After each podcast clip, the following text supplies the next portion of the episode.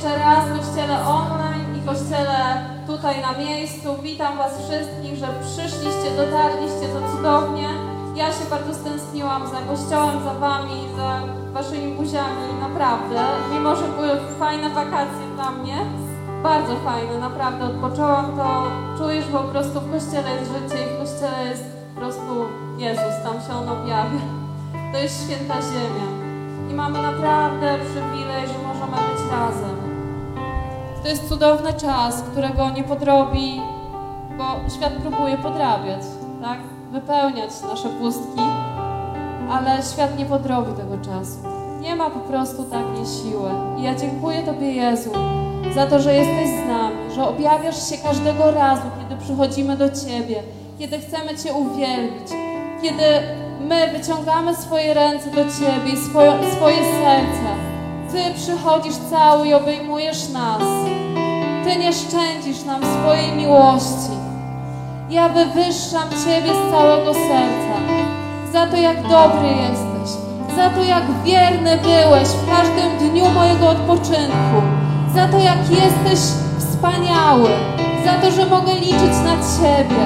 Jezu, Ty nazwałeś nas swoimi dziećmi, mimo że byliśmy i jesteśmy grzeszni. I nie zawsze tacy czyści i odświętnie ubrani. I nie zawsze tacy przygotowani na spotkanie z Tobą. Jezu, Ty nazywasz nas swoimi dziećmi. Ja dziękuję Ci z całego serca. Ja uwielbiam Ciebie. Ja proszę Kościele, pokaż swoją wdzięczność. Uwielbij Go, podziękuj Mu.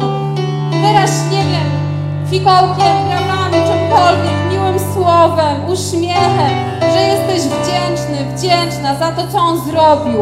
Ja dziękuję Ci. Jezu, ja dziękuję Ci. Z wdzięcznym sercem chcę dzisiaj przyjść do Ciebie. Wywyższamy Cię, uwielbiamy Cię.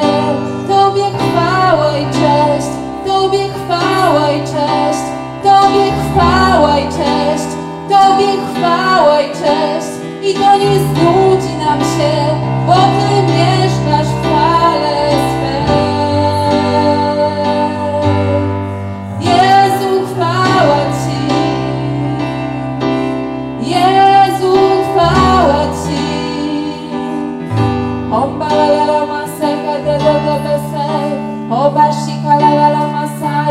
wszystkich, którzy doszli jeszcze.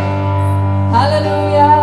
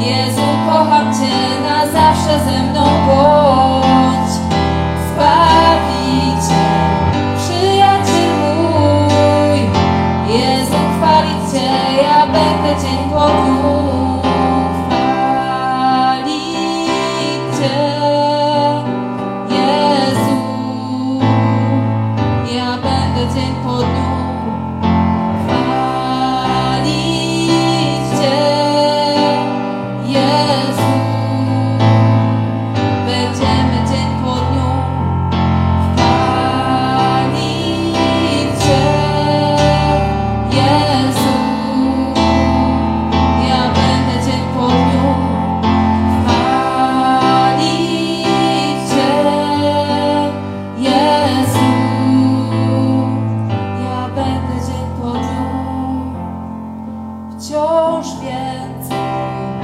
Chcę Ciebie, Jezu, kocham Cię, na zawsze ze mną bądź. Zbawi Cię, przyjaciel mój. Jezu, chwalić Cię, ja będę dzień po dniu. Wciąż więcej chcę Ciebie, Jezu, kocham Cię, na fazer é meu amor.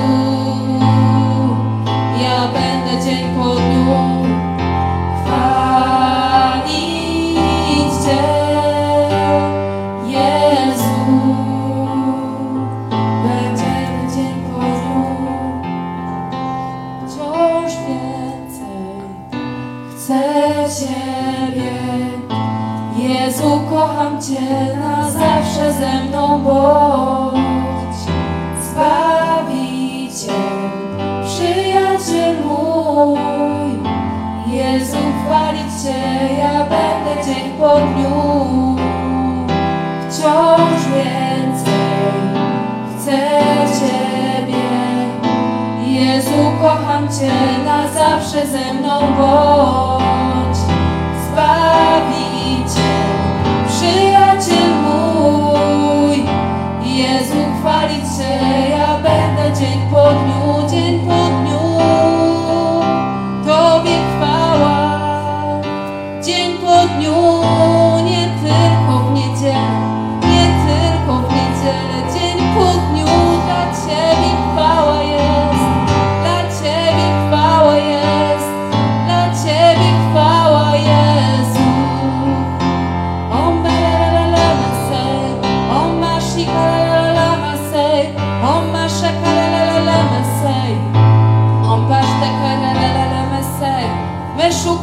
Ciebie, Jezu. My chwalimy Ciebie, Jezu. Uwielbiamy Ciebie, Twoje cudowne imię,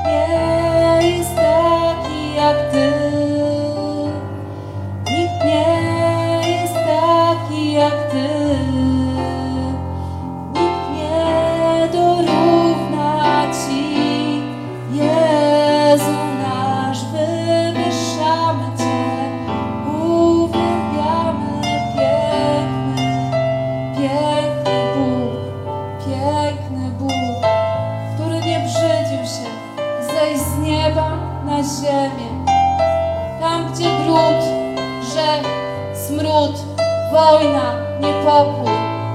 Ten Bóg, który mógł siedzieć sobie na tronie, On nie brzydził się. On zszedł, bo widział właśnie Ciebie. Widział potrzebę Twoją i moją. On widział Ciebie i chciał zaradzić Tobie. I On nie patrzył na cenę, jaką zapłacić musi. On nie patrzył na tą cenę. On po prostu wiedział, że z miłości zrobi wszystko. Że z miłości odda siebie, że Bóg Ojciec poświęci swojego najwspanialszego drugiego Syna, po to, żebyśmy my byli wolni, po to, żebyśmy my byli uzdrowieni, po to, żebyśmy dzisiaj byli szczęśliwi, żeby niepokój nie pożerał naszych serc, żeby codziennie obudzić się i powiedzieć: Boże, ja dziękuję Ci, że zbawiłeś mnie. Jestem Ci wdzięczna za to, że jesteś, za to, że nie jestem samotna, za to, że dałeś mi tyle dobra w życiu, za to, że mogę liczyć na Ciebie wtedy, kiedy jest źle, wtedy, kiedy dzisiaj mnie boli, jutro nie będzie boleć, bo w Tobie jest nadzieja. Wtedy, kiedy dzisiaj mam problem, jutro ten problem znika, bo Ty jesteś rozwiązaniem tego problemu. Jezu, ja dziękuję Ci. Dziękuję, że Ty nie wstrygałeś się, Jezu, żeby przyjść i zaradzić każdemu człowiekowi z osobna. Dziękuję Ci, Jezus. Ja dziękuję.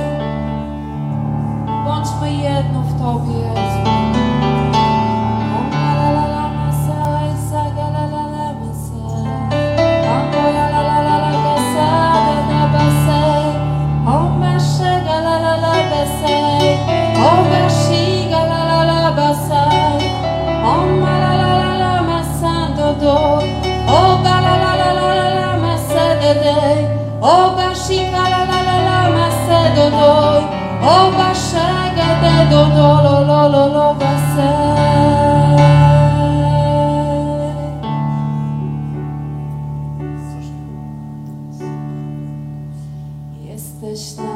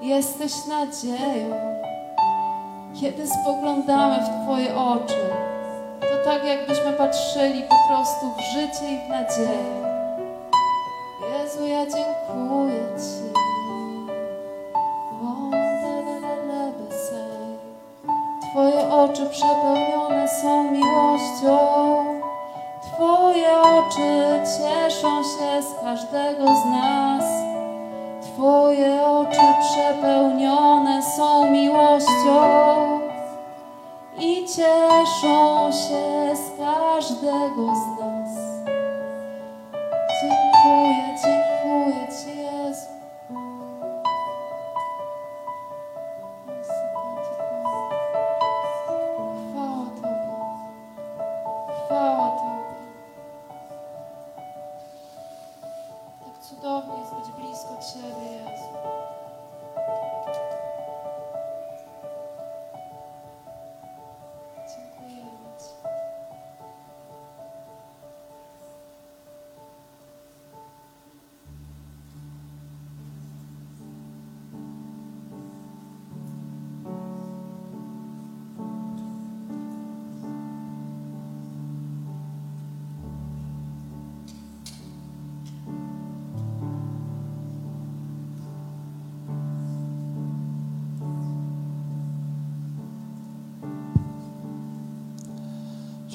Jezu.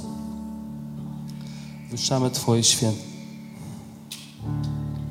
Uwielbiamy dzisiaj Ciebie za wszystko, co dla nas zrobiłeś.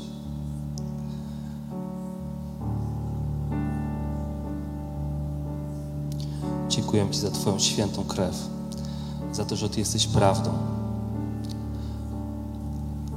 za to, że nie my Ciebie, ale Ty nas wybrałeś.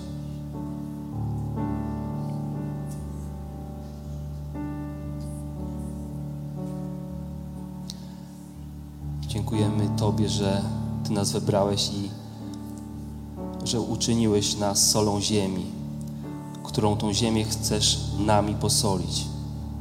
Dziękujemy, że możemy Tobie służyć, że możemy Ciebie razem tutaj uwielbiać, bo Ty jesteś godzien chwały. Tylko Ty, Jezus.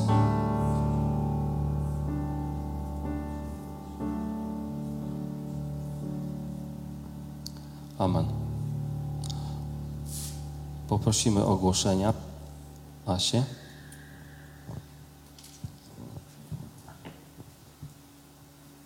Dzień dobry Kościele. Ogłoszenia. Przypominamy, w dniach 9 i 11 września od kolacji w piątek do śniadania w niedzielę planowany jest wyjazd do Zakościela, kochani. Przypominamy o kosztach. 150 zł to jest dziecko, 220 zł za osobę dorosłą. Zapisy u Beatki Dąbrowskiej na adres mailowy beatadąbrowska1 małpka gmail.com. Jeśli ktoś będzie po- potrzebował jeszcze dodatkowo adresu, to zapraszam po nabożeństwie do siebie, przedyktujemy. Y, Do tej pory ja sprawdzałam, wpłaciło bodajże 11 osób. Kochani, wiem, że zapisanych jest dużo więcej, także bardzo Was proszę o jak najszybsze wpłaty na konto Kościoła z dopiskiem, ile osób y, y, dorosłych i ile dzieci jedzie, żebyśmy mogli to zweryfikować, bo im szybciej podamy w zakościelu, tym jest większa szansa, że będziemy mogli to lepiej po prostu y, miejsca, które mamy przyznane, zagospodarować. Dlatego y, bardzo proszę o wpłatę osoby, które już zarezerwowały miejsca. Przygotowujemy się również do Tygodnia Jezusa. W tym roku na Wileńskim jest w dniach 22-24 od godziny 17 do godziny 20 i na Placu Zamkowym w dniach 25-26. Nasz kościół ma blok w godzinach 14-16, a Marsz dla Jezusa odbędzie się 27 sierpnia w godzinach 15-17, gdzie gramy również na platformie. 1 października y, w tym roku również boskie babki organizują spotkanie pod tytułem Kim jestem? Naszym celem jest harmonijne funkcjonowanie kobiety w relacji z Bogiem, y, sobą samą i społeczeństwem. Mamy zaproszonych mówców, także prosimy wszystkie kobiety sobie rezerwować czas. W dalszym ciągu zbieramy finanse na wsparcie dla Ukraińców. Jeśli chcielibyście wspomóc, prosimy o wpłatę na konto Kościoła z dopiskiem Wsparcie dla Ukrainy. Środki zużyjemy na najlepiej, e, na najbardziej takie najpotrzebniejsze, aktualne potrzeby. Numer konta Kościoła jest podany na stronie i również w mailach macie. Już od poniedziałku zaczynamy ponownie spotkania z grupką Modlitwy i Proroctwa Justyny Poniatowskiej. Także zachęcamy wszystkich do wzięcia udziału. Już jutro godzina 19. Ulica Chorza. Piątkowa ewangelizacja pod dworcem wileńskim jest odwołana do końca sierpnia, kochani. Poszukujemy jak zwykle osób do wsparcia służby domu, także każdy, kto chciałby tutaj nas wesprzeć, zapraszamy do kontaktu ze mną. Jeśli ktoś ma na y, sercu również wsparcie Kościoła w zakupie sprzętu, to można dokonywać wpłat na nasze konto Kościoła z dopiskiem, na przykład kamera lub jakikolwiek inny sprzęt, albo po prostu sprzęt i wtedy my to również y, z bieżącymi potrzebami y, zadysponujemy. Dziękuję serdecznie. Michale, zapraszam. Dziękuję bardzo. E, Bo akustyka już chyba kandydata na akustyka mamy, tak? To jest chyba Artur Duszkiewicz, o ile się nie mylę. Za co mu serdecznie dziękujemy, że się odważył i zgłosił. Jak nas słucha, bo go nie widzę, ale mi światło blask wasz oślepia i więc mało co widzę. E, Dla tych, którzy mnie znają albo nie znają, szczególnie jak ktoś nas ogląda, to przedstawię się. Nazywam się Michał Woliński i mam ogromny zaszczyt e, dzielić się z Wami dzisiaj słowem. I tak przypomniało mi się, jak zobaczyłem Sylwię na scenie, powiedziałem, że dzisiaj będzie e, usługiwać z Kornelem. To niespełna miesiąc temu minęło 20 lat, kiedy byłem pierwszy raz na nabożeństwie w Spichlerzu. To było e, mm, jeszcze wtedy na Łazienkowskiej i pamiętam taki moment, nie pamiętam nic z nabożeństwa. Zabrali mnie tam e, z, już znajomi z akademików, którzy do Spichlerza chodzili i pamiętam taki moment, jak wracaliśmy autobusem 171 w kierunku właśnie Jelonek i si- siedziały ze mną naprzeciwko mnie dziewczyny właśnie z akademii, które mnie zabrały, które mnie zabrały do kościoła po raz pierwszy 20 lat temu. Słychać mnie, bo przerywa czasami troszeczkę. I naprzeciwko mnie obok nich siedziała właśnie Sylwia. I to było 20 lat temu i nigdy bym sobie nie przypuszczał, że za 20 lat ona będzie śpiewać, a ja będę dzielił się słowem.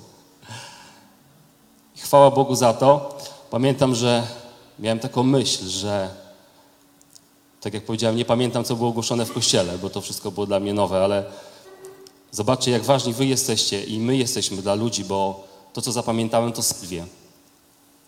Ja pamiętałem Sylwię przez kolejne lata, że no jak to, jak to, coś z tym musi być, że taka sympatyczna osoba, która poświęca mi czas, pamięta mi wiarę, jak ze mną rozmawiała, chodzi do tego kościoła, szuka Boga, więc może i ja spróbuję. I to sprawiło, my sprawiamy, Sylwia sprawiła, Duch Święty w niej, że ja dzisiaj tutaj po 20 latach jestem. I ja oddaję w ogóle Duchowi Świętemu to, co tutaj mówię, bo często jest tak, że nie pierwszy raz mi się zdarzyło i miałem zaszczyt mówić e, do Was. Mam 10 tysięcy stron notatek, ale z reguły jest tak, że jak mówię, to nie mówię z nich, tylko Duch Święty coś mówi i ja wtedy już muszę polegać na nim. Więc widać, tak musi być. Wpływ osoby, was, na innych jest tak duży, że słuchajcie, akurat wtedy Spichlerz, pamiętam, był w dniach przeprowadzki z, z jednego miejsca, czyli z Łazienkowskiej na, do centrum, na szpitalną. I już na tej szpitalnej, kiedy Spichlerz był, ja pamiętam jako student na wakacjach, bo z Sylwią się widzieliśmy, pierwszy raz mój Spichlerzu był tuż przed wakacjami, jakiś ciepły miesiąc pamiętam, więc y, sądzę, że to mógł być czerwiec, 20 lat temu. Te osoby, postawa takiej osoby motywowała mnie do tego, że przez okres wakacji, jako świeżo nawrócony człowiek, nic nie wiedzący, bardziej się bojący niż cokolwiek rozumiejący, z mojego domu rodzinnego, oddalonego 70 km od Warszawy, jechałem 16 km rowerem do najbliższego przystanku PKP, wsiadałem do pociągu do, so, do Sochaczewa. Pozdrawiamy Janusza. Jechałem kolejną godzinę do Warszawy, wsiadałem w jakiś tramwaj lub szedłem piechotą, żeby przyjść na nabożeństwo. Dlaczego? Ja nic nie pamiętałem, co pastor mówił, ale tam były takie osoby jak Sylwia. I jesteście tak ważni. Każdy z Was jest tak ważny dla ludzi, którzy tutaj przychodzą, dla ludzi, którzy nas oglądają, z którymi macie styczność w domu. Jesteście niesamowicie ważni.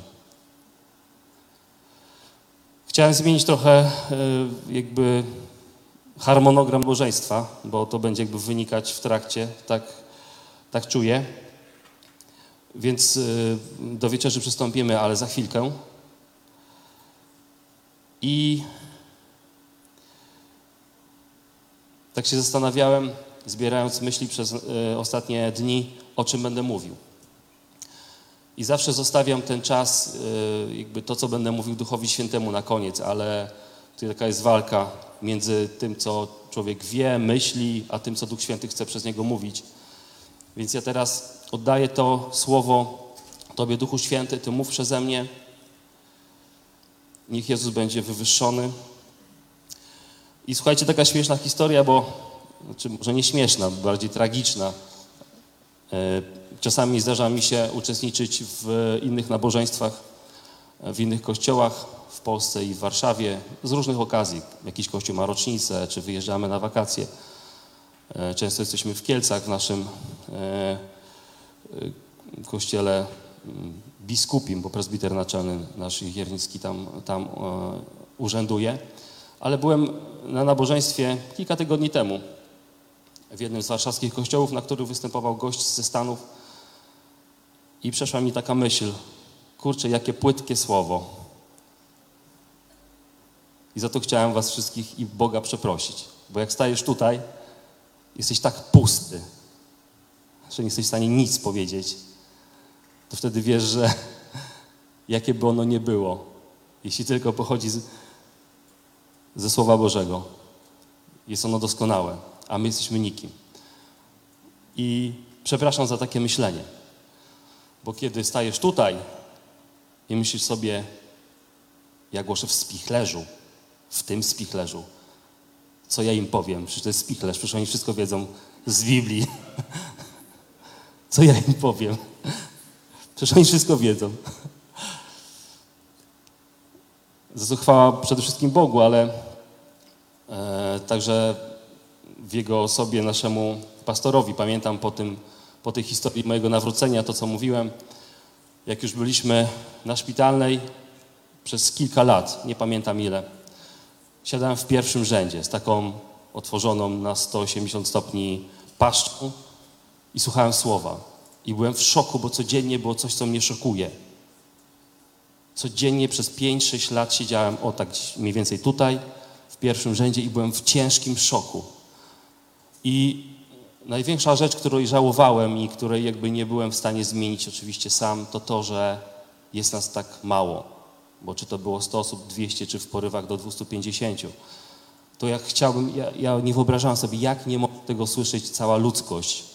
Jak nie może tego słyszeć cała Warszawa. Dlaczego tu jest tylko 300 osób, a nie 5 milionów? Dlaczego, nie wiem, nie nadajemy w siedmiu kanałach telewizji? Dzisiaj to się zmienia. I słuchajcie, i tak prosiłem Ducha Świętego, co tam mam powiedzieć o tej Biblii, którą wy wszyscy znacie i macie ją w jednym paluszku za sprawą między innymi naszego pastora Andrzeja. I będziemy mówić i będę przytaczał słowa samego Pisma Świętego, ale chciałem powiedzieć i wierzę, że to jest od Ducha Świętego coś o samym Słowie. O samej Biblii.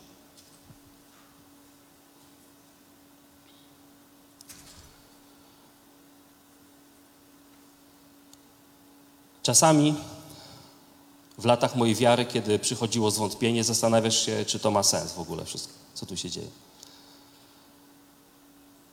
I wtedy to, co diabeł chce ci wykraść, to słowo. Kiedyś Derek Prince powiedział, że albo grzech będzie trzymał cię daleko od słowa, albo słowo od grzechu. Słowo Boże. I to, co diabeł chce w dzisiaj w zamieszanym świecie kolorowym, multimedialnym nam zabrać, to takie bardzo podstawowe rzeczy. I trochę będę dzisiaj o nich mówił. Pierwsze, co chciałem powiedzieć, kilka punktów będę miał tutaj, mam nadzieję, że zdążę, bo jestem gadułą, E, to autentyczność pisma. Radek, będę chodził. Słuchajcie, pierwsze to dla was wierzących, co jest jakby jasne i wy to zrozumiecie, ale nie tylko tacy nas słuchają, to Biblia sama potwierdza siebie. Na kartach Pisma Świętego Jezus sam wielokrotnie wypowiada, cytuje trzy czwarte Starego Testamentu. Pamiętacie e, 30 dni na pustyni i kuszenie Jezusa, kiedy Jezus sam bronił prawdy, odpowiadając, powołując się na Pismo Święte. Tak mówi słowo, tak jest napisane, trzykrotnie powiedział. Tak jest napisane, tak jest napisane. I diabeł odstąpił od niego. Więc Biblia sama, Pismo Święte samo potwierdza swoją autentyczność. Ale chcę, abyśmy zaczęli od pierwszego fragmentu, jeżeli możesz wyświetlić, drugi Tymoteusza 3 od 16.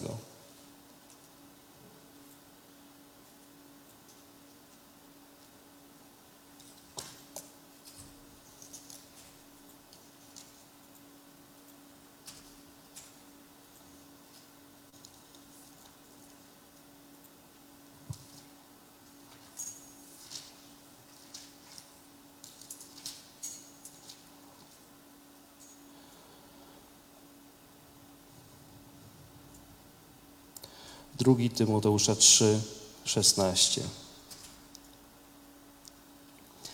Całe pismo przez Boga jest natchnione i pożyteczne do nauki, do wykrywania błędów, do poprawy, do wychowywania w sprawiedliwości, aby człowiek Boży był doskonały, do wszelkiego dobrego dzieła przygotowany. Całe pismo przez Boga jest natchnione. Czasami jest taki slogan. Ja, wychowany w rodzinie katolickiej, jakby widziałem o tym, że pismo jest natchnione, ale co to tak naprawdę znaczy?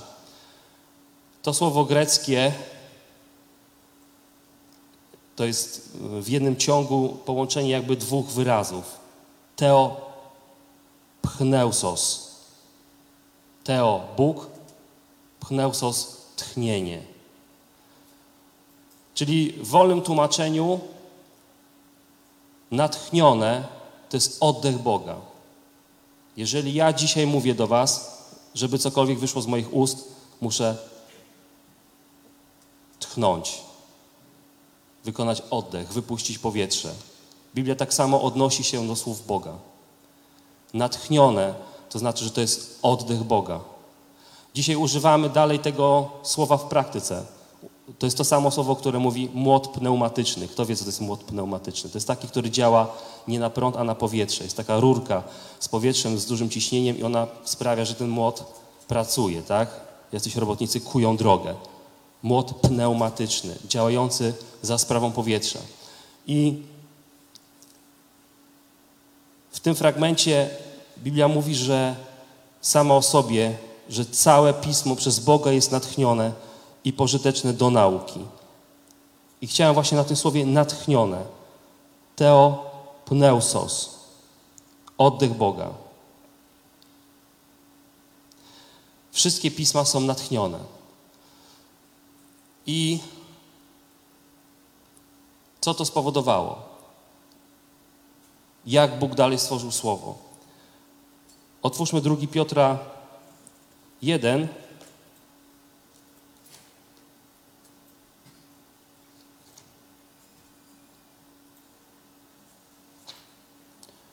Kasiu, już Ci mówię.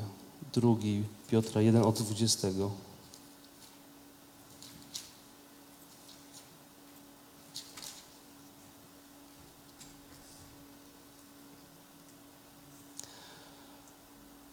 Drugi list Piotra, pierwszy rozdział od 20 wersetu.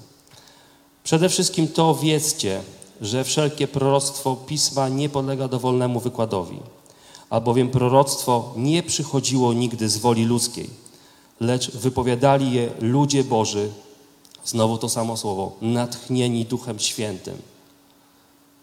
I słowo zostało spisane. Albowiem proroctwo, 21 werset, nie przychodziło nigdy z woli ludzkiej, lecz wypowiadali je ludzie Boży, natchnieni Duchem Świętym. To, na co powo- powoływał się Jezus, to, co jest zapisane tutaj. Bibliści mówią, że to jest dwa tysiące proroctw. Tak naprawdę jest ich dokładnie 54, tylko że wielokrotnie powtarzane. I Słowo zostało spisane dlatego, że zrobili to ludzie, którzy zostali natchnieni przez Ducha Świętego. I chcę Wam powiedzieć o niesamowitości tej księgi. 66 ksiąg, 39 Starego i 27 ksiąg Nowego Testamentu, spisanych przez 1500 lat przez 40 osób, mówiących o tym samym. Ktoś kiedyś powiedział, że to jest cud. Jest matematyczne prawdopodobieństwo prawidłowości tego, co pisało 40 osób przez 1500 lat, które się nie znały, które ma wspólny wątek, jest astronomicznie niewielkie. I w Piśmie Świętym są 54 proroctwa. Wszystkie z nich wypełnił Jezus. Podam Wam taki przykład. E, Dawid, ten Dawid, psalmista Dawid, król Dawid, pisał, dokładnie opisywał ukrzyżowanie Jezusa w proroczy sposób, objawiony przez Ducha Świętego tysiąc lat przed ukrzyżowaniem Jezusa. A 500 lat przed jakimkolwiek pierwszym ukrzyżowaniem, które miało miejsce w 457 roku przed tą erą. Dokładnie opisując, jak to się dzieje. Prorok Daniel to jest ten Daniel zamknięty z, razem z, z lwami, który miał wizję proroczą przyszłych czasów, opisywał dokładnie 500 lat przed narodzeniem Jezusa Chrystusa, że będzie oto wielkie królestwo, które po nagłej śmierci swojego króla rozpadnie na cztery mniejsze królestwa, potem z nich powstaną dwa, potem jedno i wtedy przyjdzie Chrystus. 500 lat przed Chrystusem to głosił. 300 lat przed Chrystusem ziemię opanowało imperium Aleksandra Wielkiego, który nagle został zamordowany w wieku 32 lat. Królestwo potężne podzielono na czterech jego generałów, z czego potem stworzono dwa królestwa, dwa państwa, Ptolemeuszy i Selekitów i tak powstał Rzym. I wtedy przyszedł Jezus. Prawdopodobieństwo wydarzenia się tej historii, przepowiedzianej przez Daniela 200 lat przed jej rozpoczęciem, a 500 lat przed narodzinami Jezusa Chrystusa jest prawie niemożliwe. I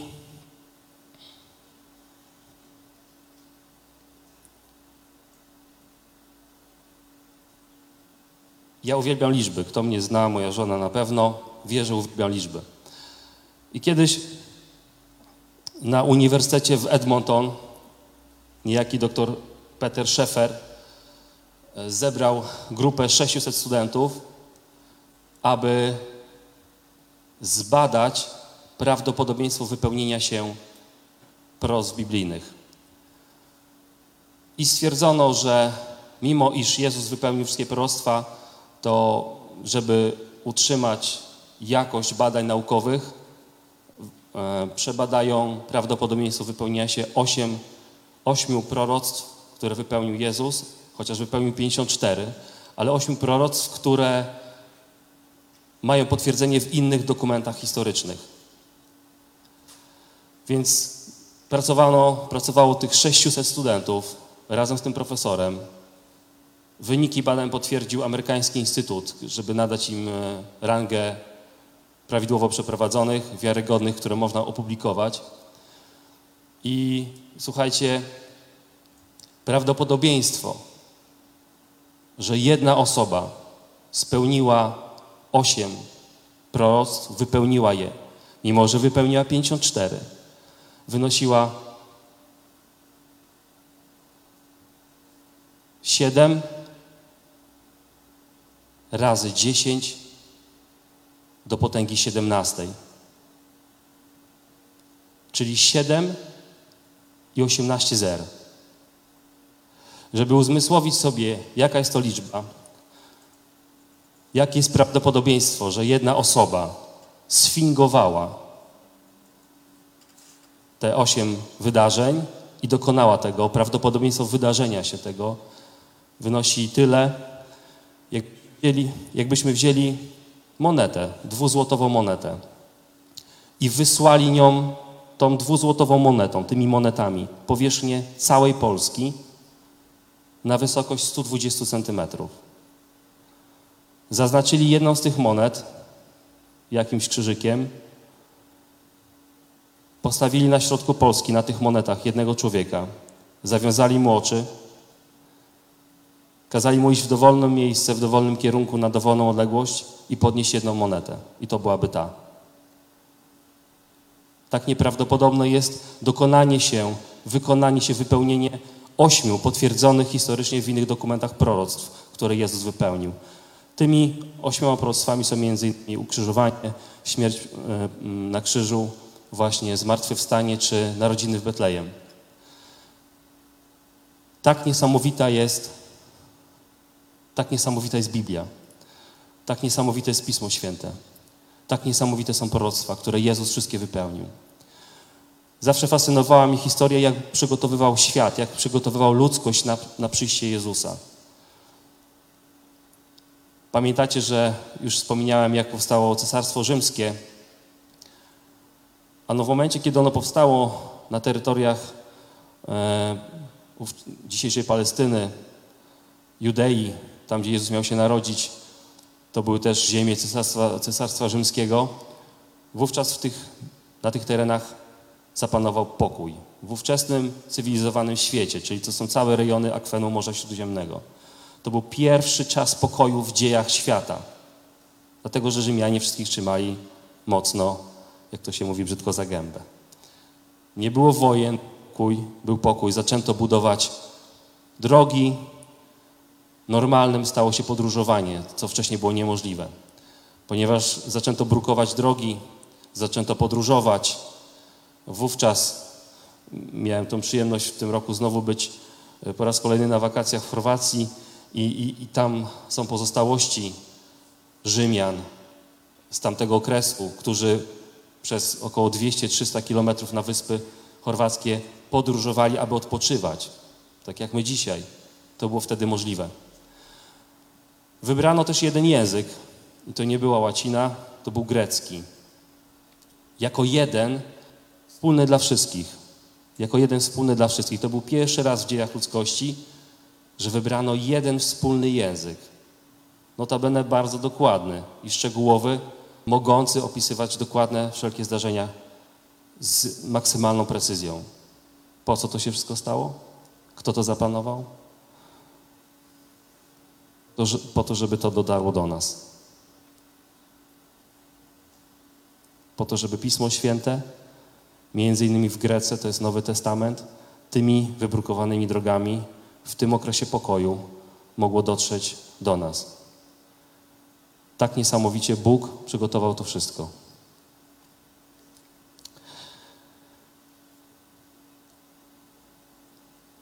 I był taki naukowiec, e, znowu amerykański,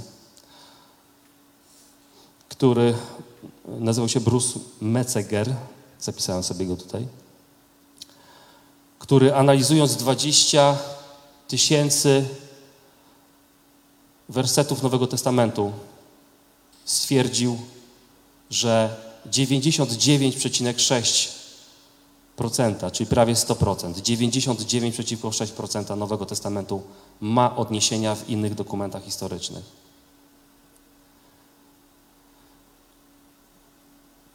I takim oto krótkim wstępem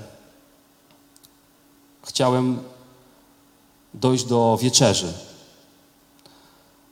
żebyście zobaczyli, jak wiele Bóg zaplanował, jak dużo Bóg zrobił jeszcze przed oddaniem swojego Syna na krzyżu.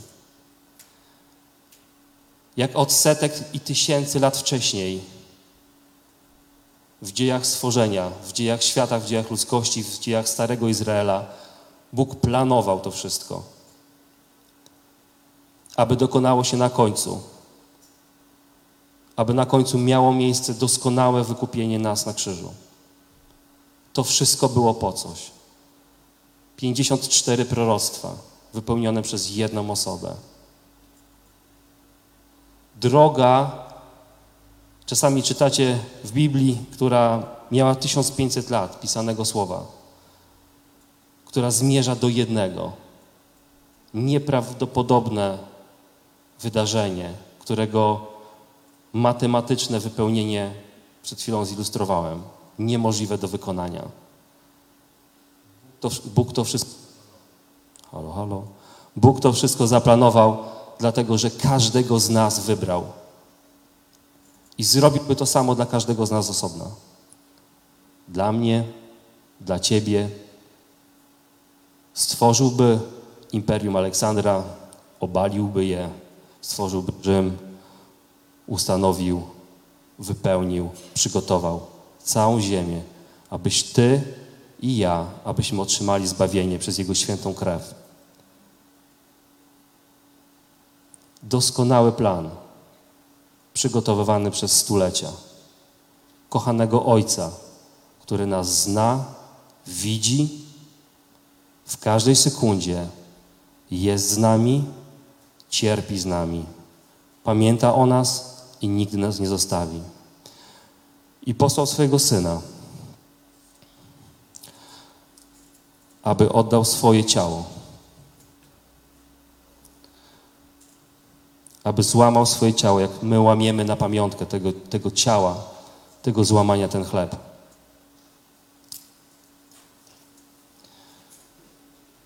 I przelał Jego krew, abyśmy my byli zbawieni, abyśmy nie musieli cierpieć na odkupienie tych grzechów. Proszę Sylwia, zagrajcie coś. I my dzisiaj na tą pamiątkę My dzisiaj na tą pamiątkę stajemy, Jezus, pod Twoim krzyżem, oddając Tobie chwałę, dziękując Ci za Twój doskonały plan zbawienia, dziękując za Twoje święte ciało, dziękując za Twoją cudowną, doskonałą ofiarę, do której jesteśmy przez wiarę przyłączeni. Dziękuję Ci za to, Jezus. Rozdajcie wieczerze.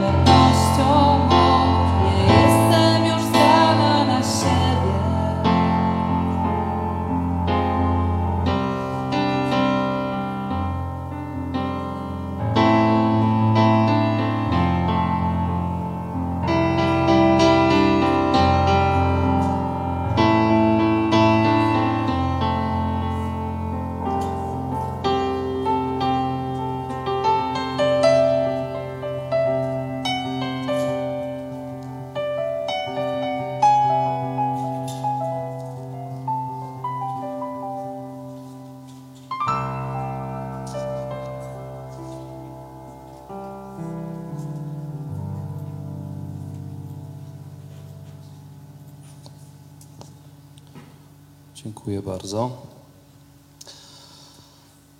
Okej. Już tak poważnie nie będzie. Dziękuję Wam za pierwszą część.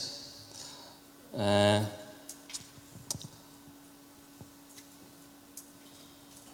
Tak. Dzięki, Kornel. Słuchajcie, kurczę, w ciężkich czasach nam przyszło żyć, co?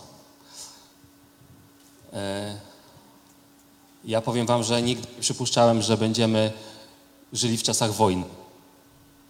Ja pamiętam opowieści mojego dziadka o II wojnie światowej i coś, świat się dzielił na historię przed i po wojnie. Dzisiaj, jeżeli kogoś nie widzieliśmy rok czasu i się z nim spotykamy, to mówimy, o jak dawno się nie widzieliśmy, chyba przed wojną. I to jest takie tragicznie śmieszne, ale niestety takie są fakty. Ja nie umiem wyrazić mego smutku dla braci z Ukrainy, którzy są też w naszym kościele i nie tylko w naszym kościele, którzy przeżywają to, co przeżywają teraz. Dlatego, że moja wyobraźnia i historyczna, i ogólnie wyobraźnia, którą mam bardzo szeroko rozbudowaną niestety, każe mi często nie zasypiać spokoju na myśl o tym, co się dzieje za naszą wschodnią granicą. I to, o czym dzisiaj chcę głosić w tym, przez ten krótki czas, to jest po prostu, co ma Bóg do powiedzenia na temat strachu. Dlatego, że czasami wydaje nam się, że Bóg nas zostawił z tym wszystkim. Nie wiem, zgapił się, że to, co się dzieje, praktycznie nie mieści się w naszej ludzkiej e, głowie, w naszym, w naszym pojęciu ludzkim. Ogrom tragedii, zbrodni, masakry. Media się prześcigają w coraz to różnych e, jakby opisach. Niestety żywią się jak najbardziej makabrycznymi opisami wydarzeń wojennych. Jakby nie chcę absolutnie o nich mówić, ale to, co nam towarzyszy i to, co nas jakby trawi i to, co mamy z czym do czynienia na co dzień, to jest po prostu strach wynikający z tego, co widzimy, słyszymy. I powiem Wam, że doszedłem po paru miesiącach do takiego wniosku, który chyba też Wam polecam, a mianowicie skasowałem wszystkie aplikacje w telefonie, które wysyłały mi różne informacje na temat, dlatego że, tak jak wspomniałem, media nie żywią się niczym innym, jak tylko tym, żeby ten ta masakra, która się dzieje, tragedia, która ma miejsce, była jak najbardziej tragiczna w naszych oczach i dotykała naszych serc.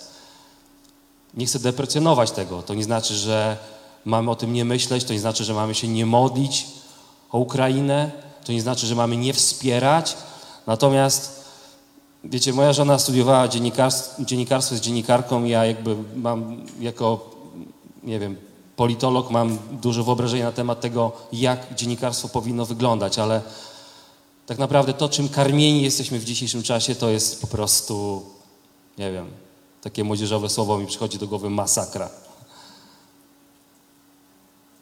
Po pierwsze, jesteśmy oszukiwani, po drugie, jesteśmy sterowani, po trzecie, to jedynie i kojarzy mi się z tym, o czym mówi słowo, to jest o diable, który nie ma mocy, a jedyne co ma, to może nas oszukiwać i może nas straszyć. I to dzisiaj ma miejsce. Ten strach przenosimy na życie codzienne, na życie naszych dzieci, jak oni, nie wiem, skończą szkołę, e, co dalej z naszymi pracami, biznesami, życiem, zdrowiem i czy wojna będzie u nas, a w zasadzie kiedy, bo już jest tak to e, spotęgowane, że praktycznie myślimy, że to za chwilę będzie na całym świecie. Ja miałem takie doświadczenie ostatnich tygodni, że rozmawiałem, miałem okazję rozmawiać z młodymi ludźmi, takimi w wieku naszych dzieci, którzy, którzy podzielają moje obawy, niestety. Mówię do ludzi głównie wierzących, ktoś może nas słucha, kto jest poszukujący, ale my, nam jest łatwiej. Dlatego żałuję, że tak jak w pierwszych dniach mojego bytności w Kościele Spichlerz 20 lat temu, że nie jest nas tysiące i nie słucha nas miliony Polaków, bo na tą misję, na tą ziemię tutaj jesteśmy wybrani i postawieni. Ale słuchając tych młodych ludzi, odniosłem takie wrażenie, że ja takiego świata, wyobrażenia takiego świata, jak oni nigdy nie miałem. Mimo, że e, będąc osobą wrażliwą, słuchając opowieści mojego dziadka, który przeżył II wojnę światową, mając wyobrażenie dość takie rozmuchany temat, na temat trage- tragedii tamtych czasów, jednak zderzyłem się z wyobrażeniem, które niosą dzisiaj pokolenie naszych nastolatków i dzieci, że żyją w potężnym strachu, większym niż ja miałem wówczas, kiedy byłem w ich wieku. I ten strach dotyczy wszystkiego. Jeśli nie wojna, ocieplenie klimatu. Jeśli nie ocieplenie klimatu, jeśli nie ocieplenie klimatu przeludnienie ziemi. Jeśli nie przeludnienie ziemi, ekonomia. Jeśli nie ekonomia, jaką płeć mam wybrać i to nie są żarty. Bo z osobami, z którymi rozmawiałem, takie dylematy te osoby miały. W tym tygodniu miałem y, takie doświadczenie. Kocham miasto, w którym mieszkam, Warszawę i postanowiłem przejechać się pierwszy raz od kilku lat metrem. Zbudowali nowe, zbudowano nowe stacje metra, jechaliśmy sobie tym metrem i jakby obraz społeczeństwa, który miałem sprzed kilku lat, bo dawno nie jechałem środkami komunikacji miejskiej, podróżuję ze względu na pracę głównie samochodem. Ta różnica kilku lat, nie widziałem ludzi, rozumiecie? Nie widziałem ludzi w mieście, tak po prostu tych, co zwykle spotykasz w sklepie, na ulicy z samochodu i tak dalej, ale nagle wsiadłem do metra po kilku latach i się przeraziłem. Przeraziłem się. Przeraziłem się ludźmi, przeraziłem się atmosferą, przeraziłem się duchową atmosferą, przeraziłem się tym, co ludzie robią, tym, o czym mówią, tym, jak żyją, tym, czego się boją, tym, czym się kierują. Kilka lat braku kontaktu z rzeczywistością, te kilka lat sprawiło, że społeczeństwo diametralnie, drastycznie zmieniło się. Kilka lat inżynierii społecznej, kilka lat strachu, kilka lat eksperymentów na żywym organizmie, z którymi mamy do czynienia. Nie będę o tym mówił, ale, ale mam nadzieję, że zgodzicie się ze mną, że po prostu opisuję fakty. Kiedyś w takim metrze spotykałem młodych, wydawało mi się uśmiechniętych ludzi, może to było moje młodzieńcze wyobrażenie dwudziestolatka, ale z reguły młodzi albo rozmawiali, śmiali się, albo czytali książki. Mnóstwo ludzi rozglądało się, patrzyło, co się dzieje. Nie wiem, e, jeśli jechaliśmy autobusem, co się dzieje za oknem. Dzisiaj, gdzie ja go mam? Bez tego urządzenia nikt nie jest w stanie żyć. Dzisiaj jesteśmy tym, Nasz nastrój jest zależny od tego, nasze jutro jest zależne od tego, nasze dzisiaj jest zależne od tego i tak dalej. Wielokrotnie chciałem wyrzucić. No ale prowadzę firmę, no, dzwonię do ludzi. Myślałem sobie, że wrócę do mojej starej Nokii 6310i, która miała baterię, która trzymała, trzymała 7 dni. No ale stwierdziłem, że czasami muszę robić zdjęcia. No ale stwierdziłem, że nawigacja mi jest potrzebna. Więc jedyne, co mogłem zrobić, to skasowałem wszystkie aplikacje, które powiadamiają mnie, komu dzisiaj urwali głowę. To wszystko, co mogłem zrobić. Bo tak to pozbawiałem siebie narzędzia pracy. Myślę, że za kilkanaście lat będziemy mieli w Polsce i na świecie do czynienia z ruchami społecznymi, które będą art- antysmartfonowe. Na szczęście wśród nas, myślę, że większość z nas jest takich ludzi świadomych, wierzących, którzy martwią się o swoje dzieci, myślą o ich przyszłości, szukają Boga i tak dalej. Mamy tą mądrość z nieba i wielu z nas, nie wiem, nie ogląda telewizji. Nie mówię, że mamy oglądać czy nie oglądać, ale widzę, że szukacie prawdy. A ona jest jedna. Jezus powiedział: Ja jestem drogą, prawdą i życiem. I to jest taki slogan. Przepraszam za wyrażenie, przepraszam Cię, Panie Boże, wyświechtany. Dlatego, że powtarzamy to tyle razy, przychodzimy do kościoła, tak jak moja mama zawsze mówi po wizycie w kościele, było tak pięknie, mamo, ale o czym było? No, jakby, no było pięknie, ale no, o czym było? No, nie pamiętam. Podobnie jest z tym sloganem, że jestem, to nie jest slogan, to jest fragment słowa, ja jestem drogą, prawdą i życiem. Prawdą. Czyli w natłoku informacji, które otrzymujemy, no, prawdziwych albo bardziej takich y, koloryzowanych, podkręconych, co to znaczy, że Jezus jest prawdą? Co to znaczy, że Słowo jest prawdą? W Ewangelii Jana czytamy, jakbyś mogła otworzyć na, od początku, od pierwszego, jeden, jeden.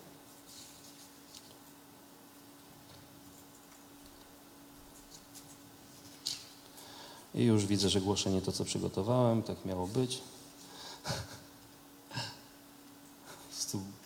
Święty jest niesamowity. Mam nadzieję, że tutaj też ta, y, ta prawda ma miejsce, że nie bójcie się, co będziecie mówić, albowiem ja będę mówił przez was. To zawsze działa na ewangelizacji. Mam nadzieję, że podczas głoszenia w kościele tak samo.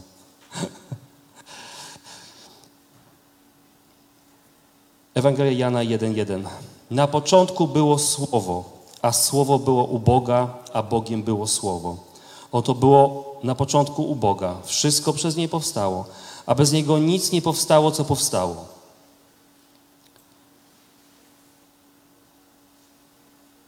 Kto jest słowem?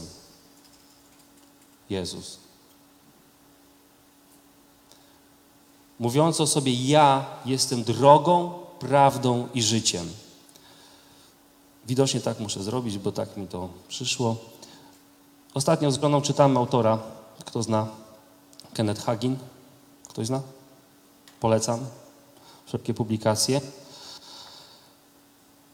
Człowiek uzdrowiony w swoim życiu miał 14 lat, kiedy umierał na problemy e, naczyniowo-sercowe i mimo diagnozy, mimo e, beznadziejnego podejścia lekarzy, pastorów też wtedy, dlatego że dla człowieka nie było racjonalnie szans na wyjście z choroby. Jedyną osobą, która w niego wierzyła, to była babcia, że może być dobrze. Czyli mając medyczne objawy, medycznie kierując się prosto do grobu, jeszcze z żoną jadąc tutaj, ona mi opowiada, powtarzała mi tą historię jego uzdrowienia. Rodzice wybierali z nim kolor trumny z czternastolatkiem. On sobie wybierał trumnę. Gdzie chcesz być pochowany? Na nabożeństwie jakie pieśni, jakie piosenki chcesz, abyśmy i tak dalej, i tak dalej. I Mamy do czynienia z czymś materialnym, to jest stan zdrowia.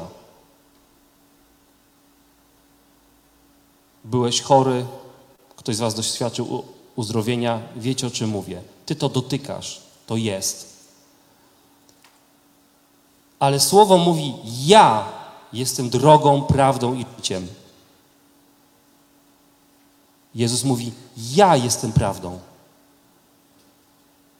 Nie to, co się dzieje z Twoim ciałem, nie to, co się działo z Jego zdrowiem, nie to, co się dzieje na świecie, z tym końcem świata, który zbliża się nieuchronnie dla tych nastolatków, ale Jezus mówi: Ja jestem prawdą.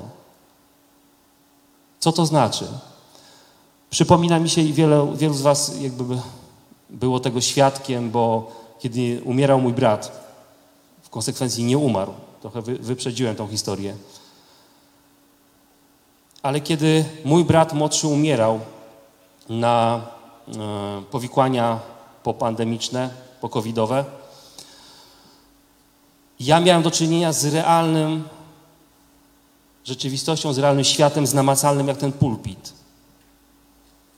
Tak? Czyli miałem konającego brata w szpitalu, dla którego nie było żadnej nadziei.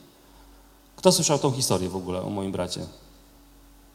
Pięknie. No muszę to powtórzyć teraz, okazuje się.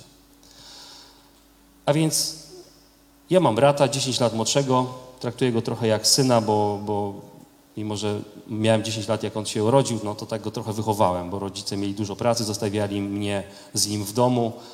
Brat starszy już był w e, wyższych klasach, więc ja takich trochę e, mogących się nie uczyć zbyt wiele, no poświęcałem czas z tym bratem.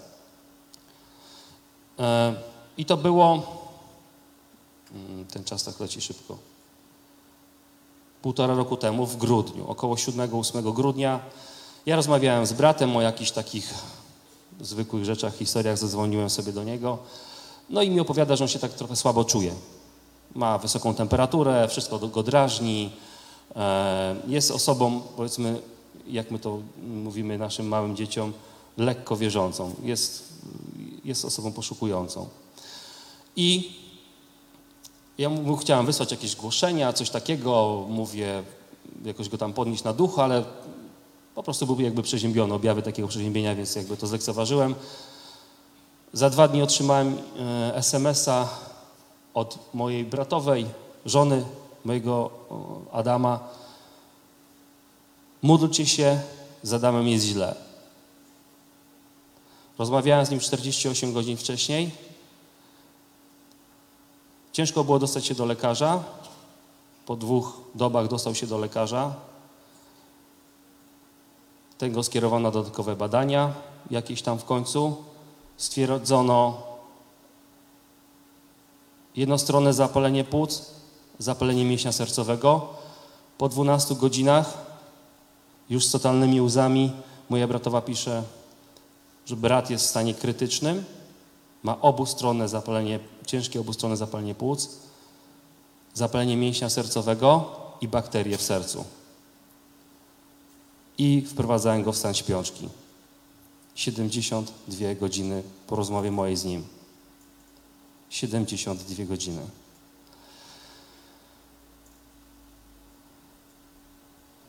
Zawsze chciałem mieć swoje świadectwo w życiu, ale trochę inaczej sobie to wyobrażałem. Bo kiedy to zaczęło się dziać, nagle widzisz wszystko przed, przed oczyma. Jest realnie, faktycznie, to się dzieje, mój brat umiera. Leżał w szpitalu w Łowiczu na intensywnej terapii. Z tego regionu, tym regionie mieszka mm, cała moja rodzina. Jeden z kuzynów, który jest lekarzem, był w bezpośrednim kontakcie z ordynatorem szpitala i przekazał moim rodzicom, że szanse na wyzdrowienie mojego brata są zerowe. Między lekarzami wymienili się informacjami profesjonalnie, nic nie zmydlając, powiedział, że nic z tego nie będzie. Co mogłem zrobić? Modliliśmy się z żoną, ale po prostu ja tak jestem nauczony. Wsiadłem w samochód i pojechałem do moich rodziców najpierw. Spotkałem mojego spokojnego, z reguły opanowanego tatę, który siedział na krześle i się bujał i mówił do siebie, jest źle, jest źle, jest źle, jest źle i tak się bujał. Wszyscy płakali. I wtedy postanowiłem działać. To, co pamiętałem z kościoła, na ewangelizacji, ze słowa, powiedziałem, że jest uzdrowienie. Kładźcie ręce na chorych, a ci wyzdrowieją. Tak mówi słowo. Że jest nadzieja w Chrystusie. Z takim trochę złością wkroczyłem do tego domu, jak młody lew, mówi słowo czasami, ogłoszący. Kazałem wszystkim, a ku mojemu, mojej trwodze była tam cała rodzina. I rodzina ze strony mojej yy, bratowej, którą średnio znałem, i powiedziałem im na kolana: Będziemy się wszyscy teraz modlić. Nie wiedziałem, jak na mnie patrzyli, nie wiedziałem, czy to akceptowali. Zamknąłem oczy i modliłem się. Ogłaszając życie, ogłaszając zdrowie, dziękując za życie mojego brata, który umierał, a w oczach specjalistów praktycznie nie żył. Pojechałem do domu. Pamiętam, że te, tego dnia jeszcze podjechałem pod szpital, jest czas COVID-u, oddział totalnie zamknięty, nikt nie może na niego wchodzić. Stałem pod szpitalem, modliłem się, ogłaszałem jak za starego spichlerza, jak ktoś kojarzy takie mocne modlitwy, jak ktoś pamięta z Was mocne, nocne modlitwy, modlitwy z mocą i krzyczałem do okien szpitala. Ogłaszałem do okien szpitala. Wyobrażałem sobie, że za, tym, za tą firanką jest mój brat. Ogłaszałem życie, zabraniałem diabłu dotykać go, związywałem w imieniu Jezusa Chrystusa. Nagle poczułem, że nie wiem, tak poczułem, wierzę do Ducha Świętego, że mam wstać i obejść szpital, zabraniając mocy ciemności dotykać wszystkich ludzi znajdujących się w tym szpitalu. Po jednym kółku już byłem pewien, że mam to zrobić trzykrotnie. Zrobiłem to. Pojechałem do domu. Następnego dnia byłem w ciągłym kontakcie z, z ratującymi, z opieką, z lekarzem prowadzącym, z pielęgniarkami. Dzwoniłem, pytałem się, jak mój brat. Sytuacja nie zmieniała się. Powiedzieli, że jest bardzo źle, ale stabilnie. I ja zawsze nauczony z pisma i z mojego kościoła spichlerz wiary, wiedziałem, że szklanka jest zawsze do połowy pełna. Czyli jak, jak, jak? Stabilnie. Okej, stabilnie. Jest bardzo źle, ale stabilnie. Stabilnie. Modliśmy się dalej. Modliśmy się z żoną w domu i w pewnym momencie, y, chyba po dwóch dniach, pojechałem tam ponownie. I siedząc pod szpitalem y, w samochodzie, zadzwoniłem w czasie pełnego lockdownu w COVID-zie i powiedziałem lekarzowi prowadzącemu, że ja chcę wejść do szpitala, modlić się z nałożeniem rąk. Rodzina umierających nie miała prawa wstępu do szpitala. Lekarz prowadzący powiedział, że zapyta się ordynatora i otrzymaliśmy zgodę na wejście jednej osoby. To było dla mnie wyzwanie wiary, dlatego że wiedziałem, że ja nie mogę tam wejść. Że osobą, która najbardziej powinna tam wejść, to jest żona mojego brata. Ale co ja jej powiem? Wtedy moja bratowa miała przyspieszony kurs wiary. I musiałem jej w ciągu godziny przed szpitalem, bo zaraz po nią pojechałem. I przyjechaliśmy pod szpital już we dwoje. Musiałem w godzinę wytłumaczyć modlitwę o uzdrowienie. Modlitwę z wiarą. Wiarę w Boga. Krzyż. Wszystko. Więc w godzinę jej to wytłumaczyłem. I kiedy weszła do szpitala, nie było mnie przy niej, wiadomo. Byłem gdzieś daleko i powiedziałem, Wiolu, jak już będzie bardzo źle, to dzwoń do mnie. No więc w godzinie, której wiedziałem, że ona jest w szpitalu, moja żona na pewno się modliła w domu wtedy. Oczywiście umówione było spotkanie, załóżmy na godzinę 13, 13.05 telefon. Czyli było bardzo źle. Bo ja powiedziałem jej, Wiolu, ja udawałem, że ze mną jest wszystko w porządku, że ja jestem odważny, że to wszystko rozumiem, że będzie coś dobrze i tak dalej, ale nie miałem tej wiary. Ja miałem ją tylko tutaj, nie miałem jej w sobie i w głowie. Miałem ją tylko w słowie. I miałem takie prowadzenie. Powiedziałem jej, Wiolu, jak tam wejdziesz, będzie bardzo źle. Zobaczysz swojego męża jak w filmach amerykańskich, podłączonego 17 rurkami. Łzy ci najdą do oczu, nogi ci się ugną i zapomnisz, jak masz na imię. I tak się stało.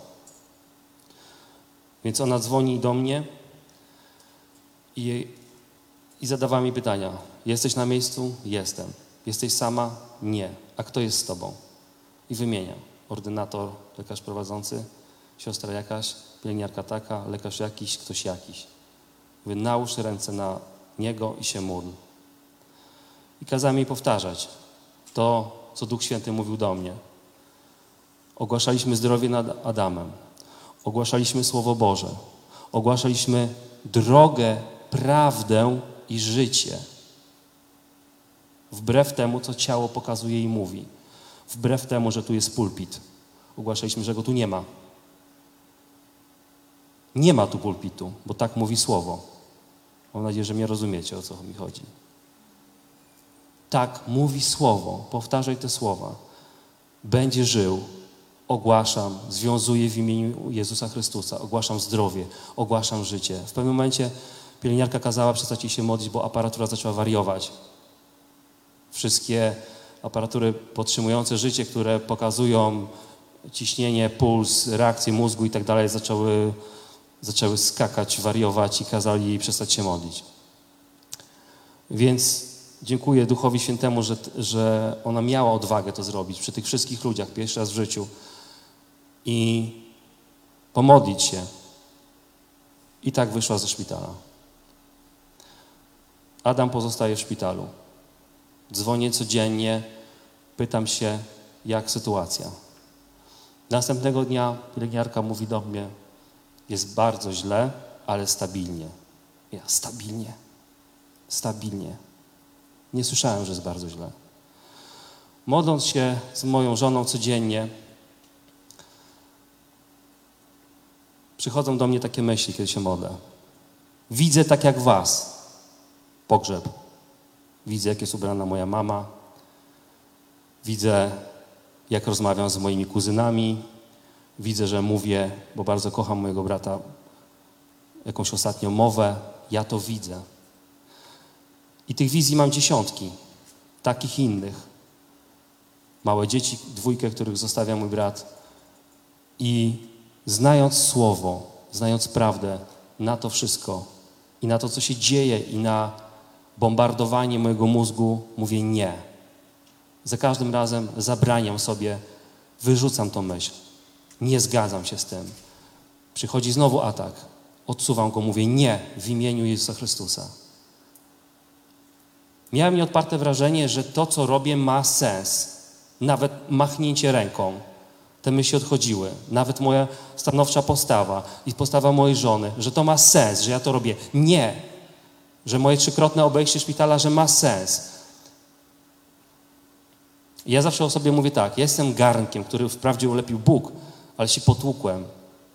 Myślę, że nawet kiedyś byłem nocnikiem, ale Bóg nas pozbierał i chce nas używać. I to jest dla mnie niesamowite. Bo wszystko, cokolwiek robi w takich sprawach, czy na ewangelizacji, czy jak tutaj stoję, nie robię ja. Ja oddaję całkowicie siebie Jemu. I wszystko, cokolwiek zrobię dobrego, robi On. Tej nocy mieliśmy taką modlitwę z żoną, bo staraliśmy się modlić jak najdłużej. Nagle, nagle przyszło około, nie wiem, pierwszej w nocy takie przeświadczenie do serca. Jest okej. Okay. Takie dziwne przeświadczenie. Ja, który wcześniej bałem się o Niego, o siebie, o wszystko, nagle ci wizje przychodzą jakichś swoich najbliższych innych ludzi. I co im może grozić? Nagle przychodzi ci o pierwszej w nocy taka poczucie w sercu. Jest. Okay. Ale do tego stopnia, że myślisz sobie, czy on umrze, czy będzie żył, wszystko jest w porządku. I kładziemy się spać, jak dzieci, w totalnej, totalnym spokoju. Następnego dnia znowu dzwonię do szpitala. Pytam się tej samej pielęgniarki, jak sytuacja z moim bratem. Ona mi tam zaczyna znowu opowiadać te swoje jakieś tam e, dane e, natlenienia, pulsu i tak dalej. Ale jakoś to tak się długo ta opowieść schodzi i mówi, wie pan co, ja dam go panu do telefonu. Ja mówię, zaraz, zaraz, ale ja dzwonię o pacjenta Wolińskiego. Pani się pomyliła. Nie, ja dam brata do telefonu. Po minucie ciszy słyszę głos jak ze światów. Halo. I wtedy się obaj rozpłakaliśmy. Dlatego, że to, co realnie i fizycznie nie mogło mieć miejsca, stało się. Dlatego, że wyznawa, wyznawszy prawdę, którą jest Jezus, a Jezus, jak mówi Ewangelia, jeden, jeden Jana jest Słowem. Wypowiadanie Słowa, tego Słowa, tego Słowa w naszym życiu jest prawdą. I tylko ono jest prawdą. Tylko ono jest prawdą. W kwestii uzdrowienia, w kwestii tego, co się dzieje na świecie, we wszystkim, w kwestii kluczowych dylematów wspomnianych tutaj, w kwestii wojny, w kwestii naszej przyszłości, w kwestii głodu na świecie, którym nas straszą, w kwestii naszej, Twojej ekonomii i mojej. Mimo, że realnie widzisz to jak ten pulpit, to tu jest prawda. Odwracaj, odwracając to stwierdzenie, czyli tamto jest czym? Wszystko inne kłamstwem. Jeśli przychodzi coś do ciebie, co jest niezgodne z Bożą wolą, a ją rozpoznajesz tutaj, stwierdzasz automatycznie, to jest kłamstwo.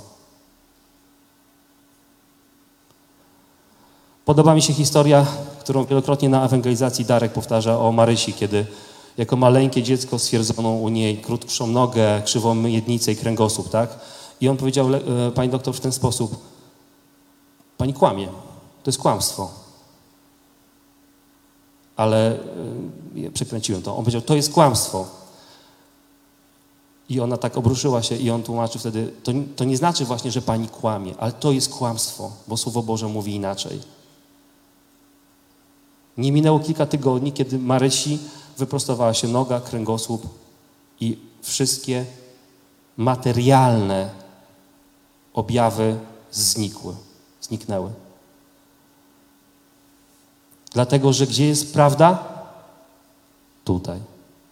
A wszystko inne, co nie jest z nią zgodne, jest czym? Kłamstwem. Lubię liczby.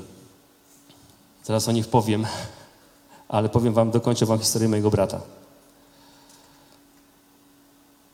Wyobrażacie sobie miny mojej rodziny, kiedy im powiedziałem pierwszy, że rozmawiałem z Adamem? Tata mi wtedy powiedział, że pierwszy raz uwierzył.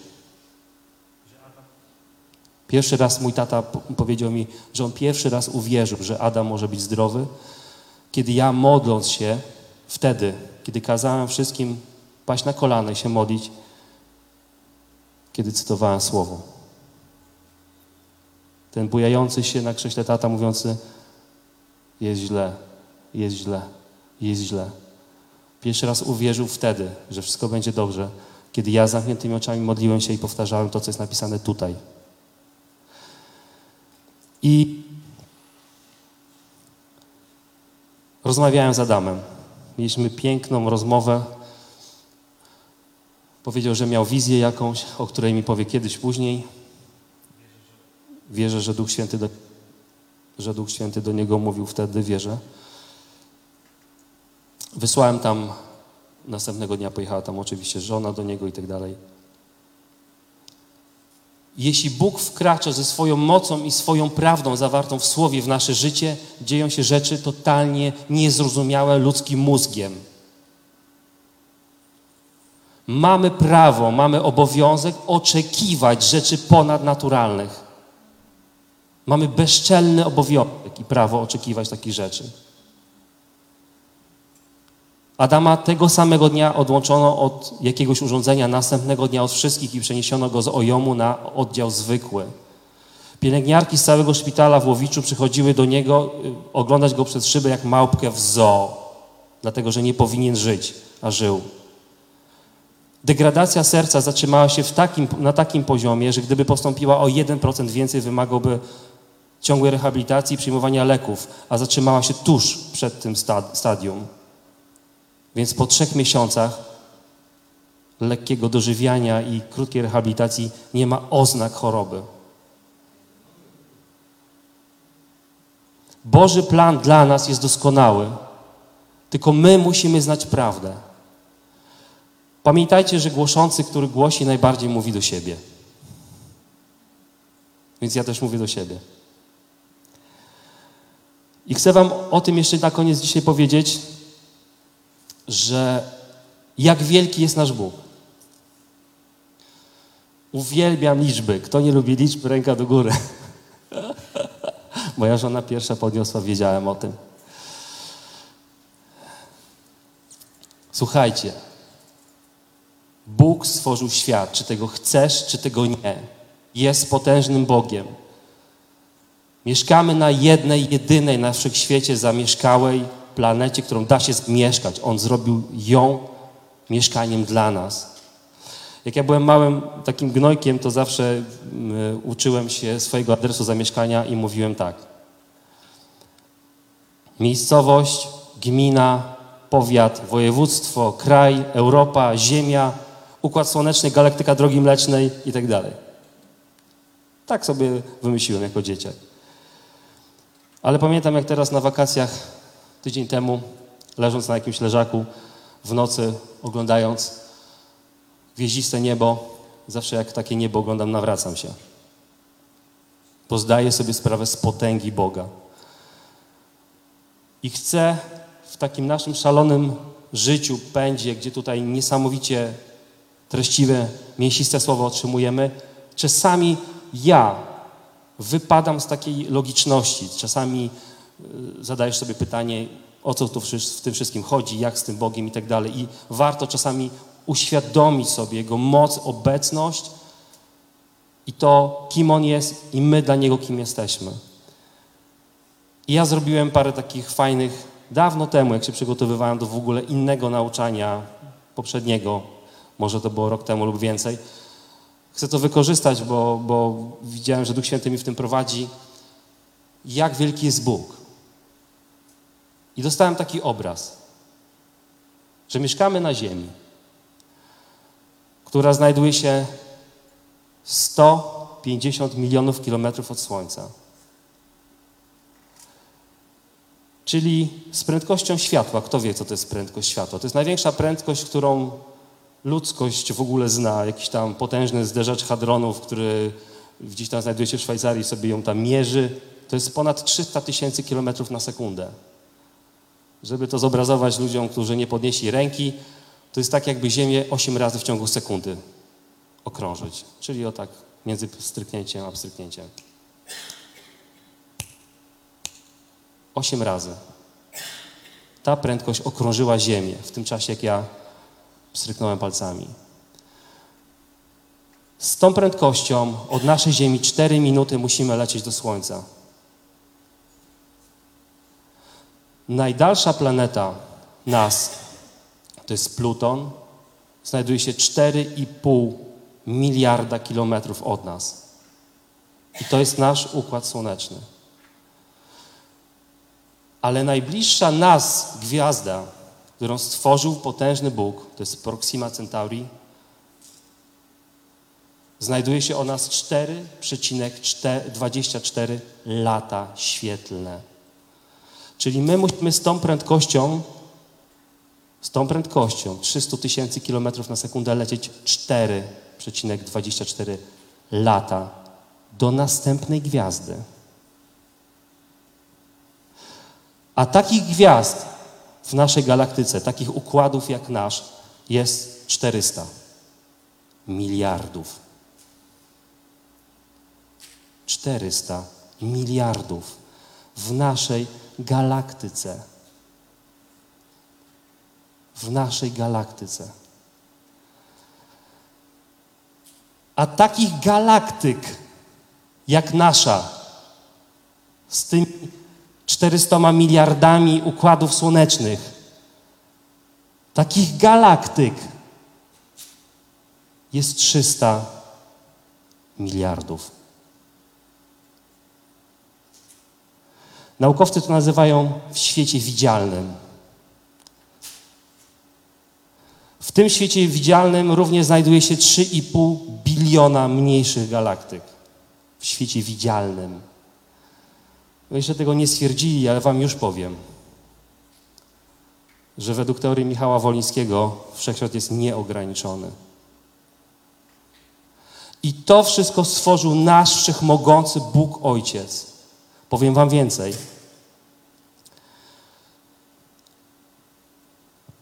Średnica, zaraz was skończę męczenie liczbami. Średnica widzialnego świata, widzialnego świata wynosi 88 razy 10 do potęgi 23 kilometrów. Znajdźcie przed sobą na wyciągnięcie ręki płaską powierzchnię. Może to być krzesło, plecy sąsiada. Wykonajcie takie pro, proste ćwiczenie. Zróbcie to palcem wskazującym. Napiszcie 88. Piszcie sobie, tylko musi to być coś większego. Tył krzesła. Napiszcie teraz ze mną. 88 i zróbcie 24 zera. 3, 4, 5, 6, 7, 8, 9, 10, 11, 12, 13, 14, 15, 16, 17, 18, 19, 20, 21, 22, 23, 24. Tyle kilometrów ma średnicy widzialny, widzialny wszechświat. Kilka miesięcy temu natknąłem się na artykuł w gazecie. Naukowy artykuł, który opisywał, że naukowcy odkryli gdzieś do tej pory zasłonięty jakąś czarną dziurą obszar, który jest miliardy razy większy od przeze mnie opisywanego. Od tych 88 i 24 zer.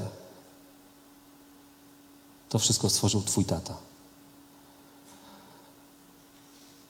Ostatnia liczba, ostatnia ciekawostka.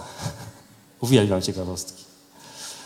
Jak chcecie więcej, to przyjdźcie do mnie po więcej. Obok teorii takiej, co było pierwsze, jajko czy kura, to zawsze ludzie zastanawiają się, co, czego jest więcej, gwiazd czy piasku na Saharze. Jest taki amerykański naukowiec, uwielbiam amerykańskich naukowców, który nazywa się Jason Marshall, jak Jason Derulo. I on kiedyś obliczył ilość piasku nie na Saharze, na świecie, który wynosi według jego obliczeń 5 razy 10 do potęgi 21. To jest ilość ziarenek piasku. Wzięli ziarnko piasku, zbadali przeciętną średnicę ziarnka piasku, zebrali w łyżeczce ile ziarenek piasku, stwierdzili ile takich łyżeczek może być na metr kwadratowy, ile metrów kwadratowych i to wyszło ilość całego piasku, który ja mam teraz w butach, widziałem tydzień temu na plaży i, i leży wokół naszego kościoła. 5 razy 10 do potęgi 21. W opisywanym przeze mnie wszechświecie gwiazd, w świecie widzialnym jest trzydziestokrotnie więcej. Ja chciałbym, żebyśmy teraz oddali chwałę Jezusowi. Zróbcie brawa dla Jezusa.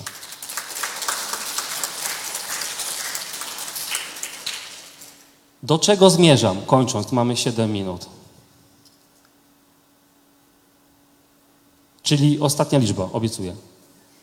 15 razy 10 do potęgi 24. Tyle gwiazd jest w widzialnym wszechświecie. Widzialnym. Czyli opisując. Czy myślimy sobie, że Bóg, wszechmogący Bóg, który stworzył to wszystko, zaraz dojdę do kolekty, chłopaki, zaraz dojdę do kolekty. Dlatego mówiłem, że zmieniam w ogóle tutaj harmonogram. Jak możemy wyobrażać sobie, że wszechmogący Bóg, który stworzył to wszystko, otwórzmy od początku Biblię. Otwórzmy to. Pierwsza Mojżeszowa 1.1. Ja przeczytam. Na początku stworzył Bóg niebo i ziemię. Koniec. Czyli wszechmogący Bóg, który to wszystko stworzył, jak możemy nawet dopuszczać momentami myśl do swojego serca, że nie ma dla nas planu awaryjnego w naszej sytuacji. Wojny, obawy, strachu o nasze dzieci, sytuacji ekonomicznej. Jak możemy sobie wyobrażać, że wszechmogący Bóg, który to wszystko stworzył, który o nas, o nas myślał, kiedy mówiłem przed wieczerzą o 1500 tradycji, tyle lat, 1500 lat pisania Słowa Bożego, natchnionego, kiedy Bóg już wszystko planował w jednym, jedynym celu, abyśmy my byli zbawieni przez śmierć Jezusa Chrystusa, doskonałą ofiarę. I słowo nam dane, które Jezus mówi: Ja jestem jedyną drogą, prawdą i życiem. I jak możemy przypuszczać, że to nie będzie działać w naszym ży- życiu, czyli wypowiadanie prawdy na jakikolwiek temat byśmy nie myśleli, na jakikolwiek problem, jaki byśmy nie mieli w swoim życiu. Czy myślicie, że wszechmogący Bóg o tym nie pomyślał? Przy stwarzaniu tryliardowej gwiazdy nagle wymsknęło mu się i zapomniał, bo przecież to kolejna gwiazda, o nas. Doskonały w swoim stworzeniu Bóg, wszechmogący, jak ta historia, cały zamysł mój tej historii, tworzenie tych liczb, które są faktem niepodważalnym, ma pokazać, jak wsze- wszechmogący jest Bóg. I ten potężny, nasz tata w niebie nas zna, widzi nas, widzi naszą sytuację.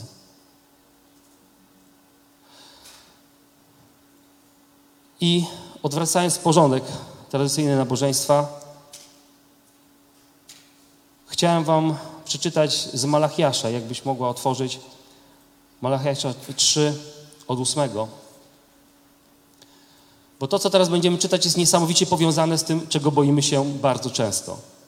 Jedna, ósma, jedna, przepraszam, jedna trzecia naszego życia, a więc 8 godzin dziennie jest powiązane z naszą pracą, z naszymi finansami i tak. I jedną z wielu obaw, która dzisiaj ma miejsce w toczącym się naszym życiu i świecie, to jest nasza przyszłość. Finansowa, kryzysy, inflacje i tak dalej, i tak dalej, i tak dalej. Które, jeśli nie są zapisane tutaj, są czym? Kłamstwem. Przejechałem pół Europy jadąc tam na wakacje, gdzie byłem i już zobaczyłem, że wszędzie indziej jest paliwo droższe o 2 złote. A ja się tak dałem oszukać, że u nas jest źle. Perspektywa,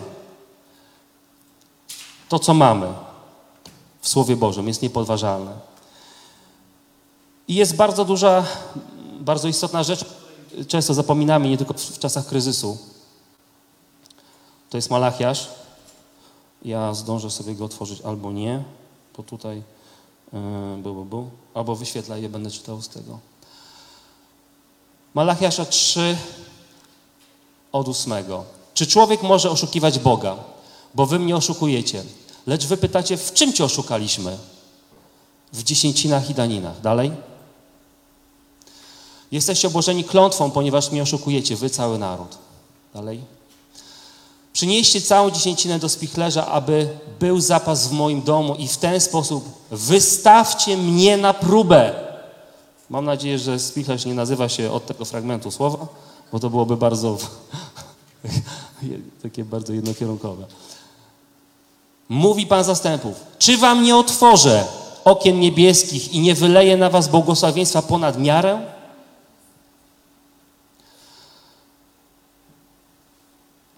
Mam kolegę, który przynosi, jak przynosi do kościoła pieniądze na ofiarę, to te, które ma, gdzieś tam zmiętolone w kieszeni, wkłada do patomatu, a wyjmuje nowe pachnące.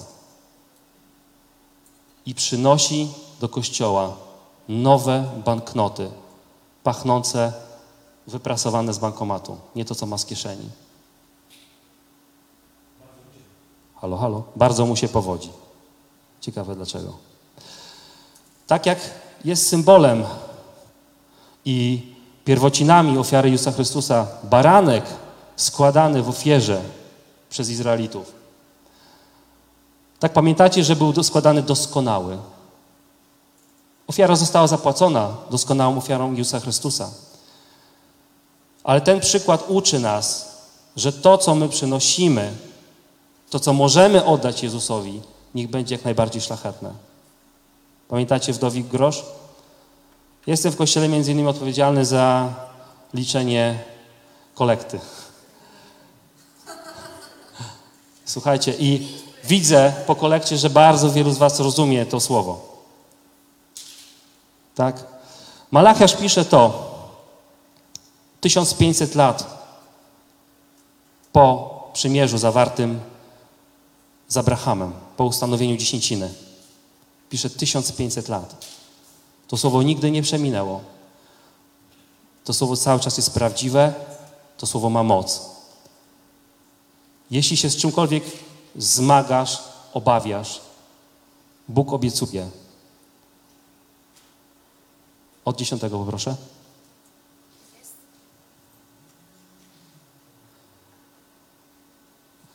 I w ten sposób wystawcie mnie na próbę, mówi Pan zastępów, czy wam nie otworzę okien niebieskich i nie wyleję na was błogosławieństwa ponad miarę.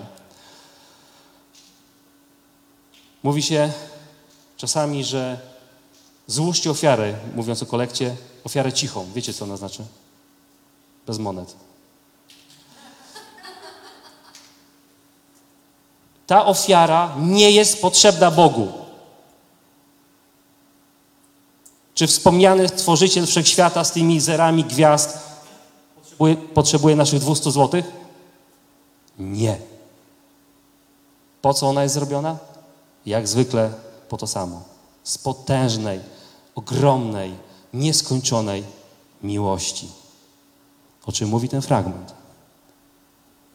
Przynieście całą dziesięcinę do spichlerza, abym był zapas w moim domu. Dlaczego? I w ten sposób wystawcie mnie na próbę, mówi Pan zastępów. Czy nie otworzę wam okien niebieskich i nie wyleję na was błogosławieństwa ponad miarę dalej? I zabronię potem szarańcze pożerać wasze plony rolne. Wasz winogron zaś w polu nie będzie bez owocu, mówi Pan zastępów. Dziesięcina jest z ogromnej miłości do nas. Pamiętaj, co wrzucasz. Pamiętaj, co myślisz, jak wrzucasz. Bardzo rzadko, ale spotkałem się jako liczący kolektę, że miałem wrażenie, mam nadzieję, że to któreś z naszych dzieci zrobiło, że wytrząchnęło śmieci z, e, z kieszeni z paprochami jakimiś. Nasza postawa serca to, co dajemy wszechmogącemu Bogu, nie jest mu potrzebne. Bóg nie zbankrutuje bez naszej, bez naszej dziesięciny. Zgadzacie się z tym? Chodzi o nasze serce. I chodzi o mechanizm Bożego prawa, duchowego prawa, błogosławieństwa, które uruchamia się w momencie, kiedy my ufamy Bogu. 15.01. Zbierzmy kolektę. Logiczne to było wszystko, co mówiłem? Dlatego na koniec, podczas zbierania kolekty, Kornel, zagrajcie coś proszę. Chcę, żeby z tego naszego spotkania, z tego nabożeństwa y, jedna myśl zapadła w nasze serca. Jest Bóg, Wszechmogący, który żywym słowem, przez które mówi, to jest Jego tchnieniem, obiecał nam prawdę na temat naszego życia, prawdę na temat naszej przyszłości, prawdę na temat błogosławieństwa, prawdę o nas samych. I On chce, mam przygotowanych z 10 fragmentów, których nie zdążę przeczytać. On chce, żebyśmy się nie bali, żebyśmy Mu zaufali. Niech ten z Malachiasza będzie jednym z tych przykładów. Widocznie tak musiało być. Oddajcie chwałę Jezusowi.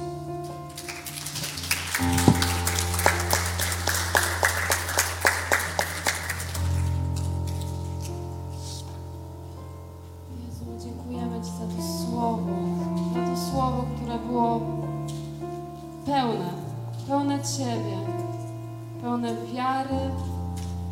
Dodałeś nam wiary i Michał i Ty, Jezu, my wywyższamy Ciebie. Ty jesteś moją siłą, me życie odmieniłeś. Ty moja pierwsza miłość, Jezu, Ty. Ty jesteś moim skarbem i tylko Ciebie pragnę. To w Tobie odnalazłam życia Dla Ciebie bije moje serce.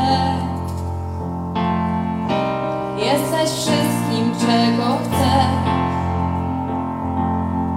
Chwalę, tańczę, wznoszę ręce i w uwielbieniu zatracam się jeszcze raz. Dla Ciebie bije moje serce, dla Ciebie Jezu. Jesteś wszystkim, czego chcę. Wznoszę ręce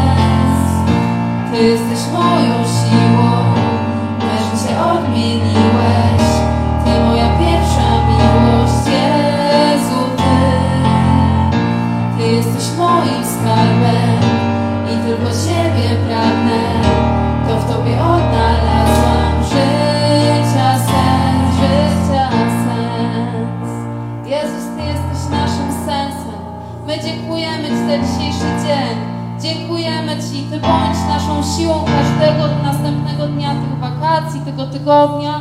My wywyższamy Ciebie ponad nasze wszystkie sprawy i prosimy Ciebie, Duchu Święty, abyś Ty błogosławił każdą osobę, która była na kolejny tydzień wspaniały z Tobą i w Twojej miłości. Ja chciałabym Was prosić, Kościele, żebyś jeszcze, e, żebyście dali brawa dla tych młodych dziewczyn, które miały odwagę śpiewać z nami. Amen. Znaczy ze mną śpiewać. Amen. Dziękujemy i życzymy smacznego rosołu. Amen. Smacznego.